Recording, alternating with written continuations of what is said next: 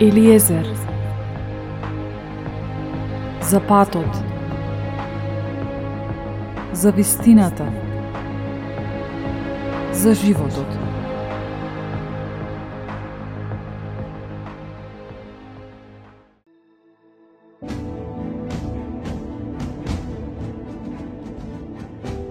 Мудрост Сиракова 50 глава.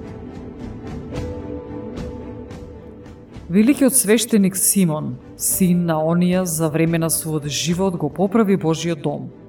Го затврсти храмот. Тој ја стави основата за двојното издигнување на високата ограда околу храмот. Во негово време се беше намалил водостојот, обкружен со ископ, слично на море, за да го укрепи градот против обсада, тој ги зајакна градските зидови колку величествен стануваше меѓу народот кога излегуваше од зад храмовата завеса. Тој беше како звезда деница сред облаци, како месечина кога е полна. Како сонце што грее над храмот на Севишниот и како виножито што светлее меѓу величествени облаци. Како роза во пролетни дни, како кринови покрај водни извори и како леванонско гранче во летни дни како оган со кадиво во кадилница, како искован златен сад, украсен со секакви скапоцени камења, како маслина со плодови и како кипарис, извишен до облаци. Кога се облекуваше во великолепни одежди, кога ги ставаше сите украси, качувајки се кон светиот жртвеник, целото светилиште со блесок го исполнуваше – и кога ги земаше жртвените делови од рацете на свештениците, стоејќи кај огнот на жртвеникот, окружен како со венец од своите браќа свештеници, како леванонски кедрови фиданки и како гранки и палмови. И сите Аронови синови во сета своја слава со приноси за Господа на рацете пред целиот собир на Израел извршувајќи ја на жртвеникот службата за да го овенча приносот на Севишниот Седржител – Ја пружеше раката своја кон жртвената чаша и стураше во неа гроздов сок, го поливаше под ножието жртвеникот за благопријатен мирис на царот Севишен. Тогаш синовите Ронови трубеа во труби метални и вика со силен глас за спомен пред Севишниот. И тогаш сиот народ ничкум на земја паѓаше, за да се поклони пред својот Господ, Седржителот и Севишен Бог. А пејачите со своите гласови го прославуваа. Во гробниот храм умилна песна се огласуваше. Народот на милостивиот и севишниот Господ се молеше, додека славословието се пееше. И така Божјата служба ја завршуваа. Тогаш, слегувајќи рацете своји ги подигаше врз целиот собир од синовите израелски. Благословот Господов со устата своја го искажуваше за името негово да се пофали. А народот уште еднаш ничкум паѓаше за да го прими благословот на Севишниот. И денес, благословувајте го Бога сите кои на секаде големи чуда прави, кој ги продолжува нашите денови уште од утробата и со нас постапува според својата милост Тој нека ни даде весело срце и во деновите наши мир да ни подари во Израел од век до век. Милоста Негова секогаш да биде со нас и навреме да не избави. Од два народа, душата моја се одвраќа, а третиот и не е народ. Тоа се оние што живеат на планината Сеир, филистејците и глупавиот народ што живее во Сиким – Ова мудрост за полка и знање напиша во книга Јас.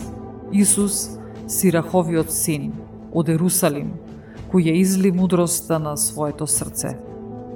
Блазе му на оној кој што ќе размислува за овие полки, кој ќе ги стави во срцето свое, тој мудар ќе биде. А кој ги звршува, ќе успее во се, зашто Господовата светлина неговиот пат. Мудрост Сиракова, 51 глава. Молитва на Исус, синот Сирахов. Господи царе, Тебе ќе те воспевам, Тебе ќе те фалам. Мојот Бог и Спасител, Твоето име ќе го прославувам. Ти беше мој закрилник и помошник. Ти го спаси моето тело и пропаст од примките на јазик леветнички уста лажлива. Ти беше мој помошник против оние што стануваа против мене. Ти ме избави според Твојата голема милост и заради името Свое од заби што крцкаат спремни да ми изедат. И од рацете на оние што ја бара мојата душа и од многуте жалости што ги имам. Од оган, кој што ме задушуваше од сите страни од пламенот што не ме изгоре. Од лабината на довата утроба, од нечист јазик и лажливи зборови, од клевета на неправеден јазик пред цар – душата моја, близу до смртта беше. Животот мој, до дното на пеколот. Од сите страни ме обкружуваа и немаше кој да ми помогне. Од луѓе помош со поглед барав, но ја немаше. Тогаш си спомнав за милоста Твоја Господи и за делата Твои уште од почеток. Дека ги спасуваш оние што на Тебе се надеваат, ги спасуваш од непријателски раце гласот на мојата молитва од земја го подигнав. Ти се молев од смрт да ме избавиш. Повикав кон Господа, кон Отецот на мојот Господ, да не ме остави во днина неволја, кога немам помош од горделиви луѓе. Името Твое непрестоне во славословие ќе го фалам, зашто молитвата моја ја послуша. Од погибел ме спаси и во зло време ме избави. Затоа ќе те воспевам и ќе те фалам, и името на Господа ќе го прославувам. Потрага по мудроста Уште како момче, пред да почнам да патувам, во молитвата моја отворена мудрост барав. Пред храмот се молев за неа и докрај ќе ја барам, како цутот на грозието до неговото узревање. Така срцето моје се радува од неа, мојата нога по прав пат тргна, уште од младоста по неа одам. Го наведнував помалку увото и неа ја примав. Во неа наоѓав многу поуки за себе. Напредував во неа. Ќе го прославувам оној кој ми ја дарува мудроста. Одлучив да одам по неа. Го следев доброто и нема да се посрамам. Душата моја неа ја бараше, а во делата мои бев исправен. Рацете мои ги подигнав кон висините и ја осознав својата неукост кон неа душата моја ја управив и од самиот почеток и го предадов срцето свое. И со чистота ја достигнав.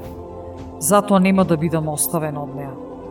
Натрешноста моја се подигна неа да ја бара. Затоа придоби вредно богатство. За награда Господ јазик ми даде, со него ќе го прославувам. Дојдете кај мене, вие, ненаучените, во училиштето мое бидете, зашто вам мудроста ви е потребна. Душите ваши силно жеднеат за неа. Ја отворам устата своја и ви велам, купувајте ја без пари.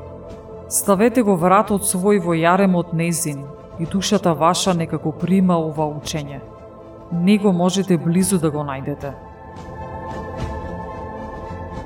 Ете, со ваши очи гледате, јас малку се потрудив и голем спокој најдов Придобивајте поуки колку за големо количество сребро, а со тоа ќе добиете богатство по големо од злато. Нека се радува душата ваша за неговата милост и не срамете се да го прославувате. Свршувајте работата своја навреме и тој навреме ќе ви ја даде вашата награда.